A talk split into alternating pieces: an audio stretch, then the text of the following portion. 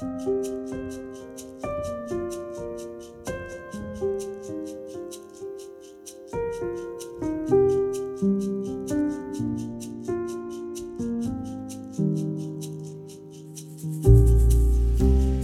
lyttere.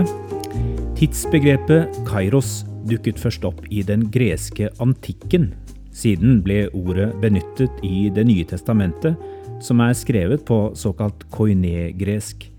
I Det nye testamentet settes ofte ordet inn i en frelseshistorisk sammenheng og gis en fornyet og ganske særegen betydning, slik vi har sett tidligere i denne podkastserien. Det er litt dristig av meg å sjonglere mellom Kairos-begrepet, slik det i hovedsak er brukt i Bibelen, og slik det brukes utenfor en spesifikk kristen sammenheng. Ordet har sin egen brukshistorie og eies ikke av oss kristne.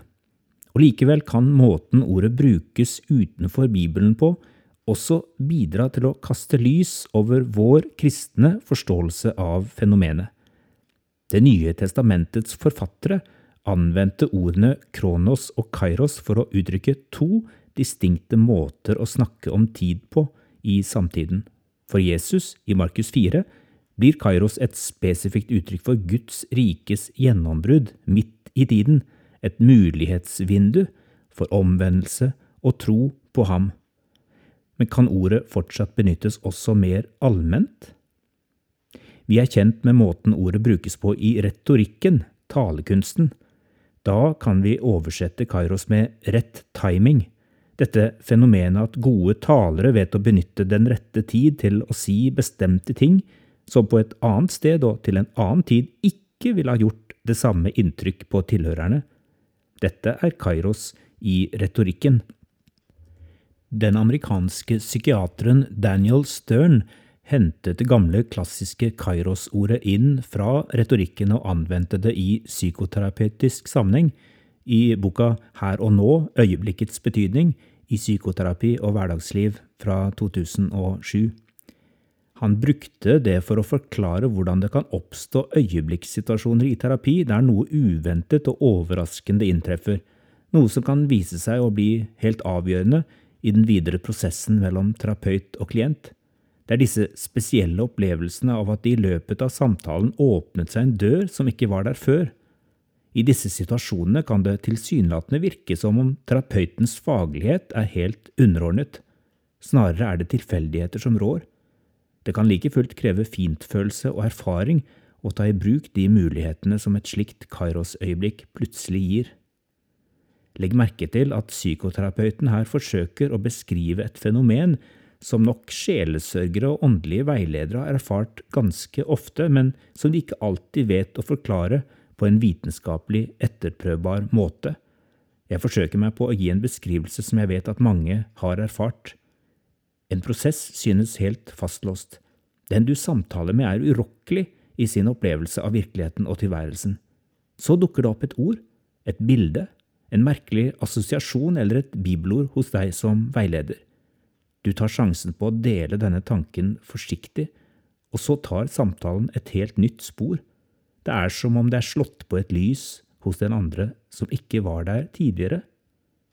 Når noe sånt skjer innenfor en sjelesørgisk samtale eller i åndelig veiledning, er det sikkert fullt mulig å forklare dette med rent psykologiske prosesser.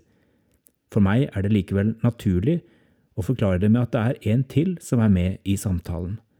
I gylne øyeblikk åpner han dører som vi ikke helt visste var der på forhånd. I slike tilfeller er jeg åpen overfor min samtalepartner på at dette kanskje bare er mitt eget tankespinn, men jeg ser aktivt etter slike øyeblikksmuligheter, fordi jeg vet hvor kraftfulle de kan være, og jeg velger å kalle det for Kairos øyeblikk. I Johannesevangeliet kapittel 16 sier Jesus til sine disipler, Ennå har jeg mye å si dere, men dere kan ikke bære det nå. Men når sannhetens ånd kommer, skal han veilede dere til hele sannheten, for han skal ikke tale ut fra seg selv, men si det han hører, og gjøre kjent for dere det som skal komme. Dette er et av de skriftstedene som ofte leses ved pinsetider.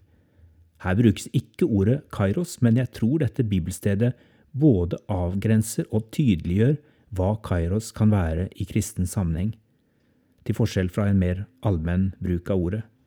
Den som tror på Jesus, har fått Den hellige ånd i gave. Vi trenger Bibelen og fellesskapet med hverandre for å pakke ut denne gaven, men ved Guds ord og i fellesskapet er det Den hellige ånds oppgave å synliggjøre og forklare Jesus for oss.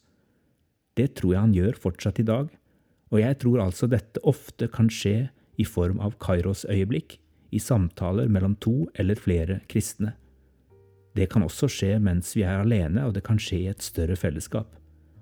Slike aha-opplevelser der det går opp nye lys for oss, der Jesus blir konkret, nærværende og relevant på nye måter.